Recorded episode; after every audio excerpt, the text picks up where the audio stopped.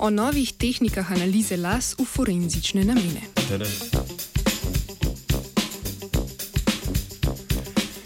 Forenzična analiza las je leta in leta sledila isti tehniki analize, ki pa je bila pred kratkim postavljena pod vprašaj zaradi dvoumno pridobljenih rezultatov.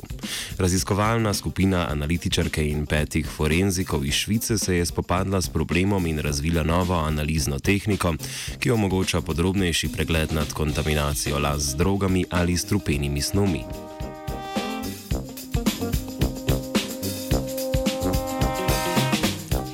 Glavno in največjo težavo v analizi predstavlja ločnica med zunanjo kontaminacijo las in vsebnostjo snovi v lasu zaradi vključevanja iz obtočnega krvnega sistema.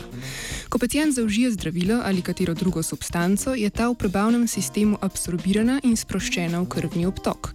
Po žilah potuje do korenin lasišča, kjer je inkorporirana v strukturo lasa. Tako je z analizo las in predpostavko, da las zraste približno en centimeter na mesec, mogoče retrospektivno spremljanje uživanja drog v bistveno daljšem časovnem obdobju kot z analizo krvi ali urina.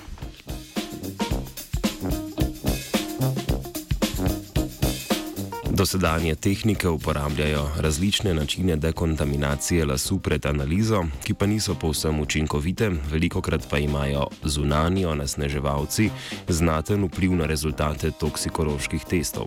Šamponi, barvanje, beljenje in tudi že samo sonce imajo velik vpliv na sestavo lasišča. Preko potupa je lahko na las nanesen sloj enkratno zaužite substance celo tako, da analiza pokaže, da je oseba snov kronično uživala uživala.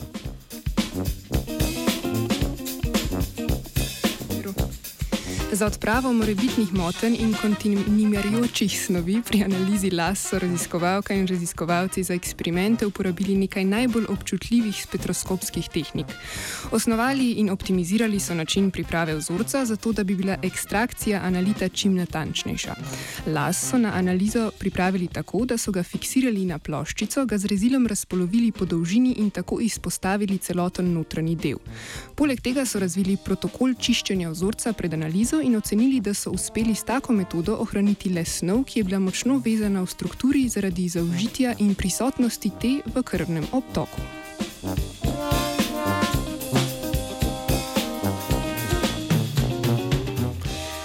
Raziskovalna skupina je analizirala posamezne lase prostovoljcev ali pa lase, mogoče eh, in prostovoljk, ki so večkrat ali samo enkrat konzumirali zdravilo za spanje zolpidem. S primerjavo različnih paralelk drugače pripravljenega vzorca las iste osebe so preverili učinkovitost različnih metod priprave in analize.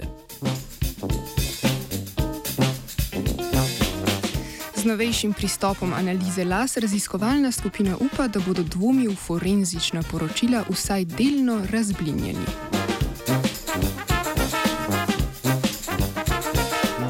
Svojo zgodovino aha, aha, v lase zapisuje tudi Dunja.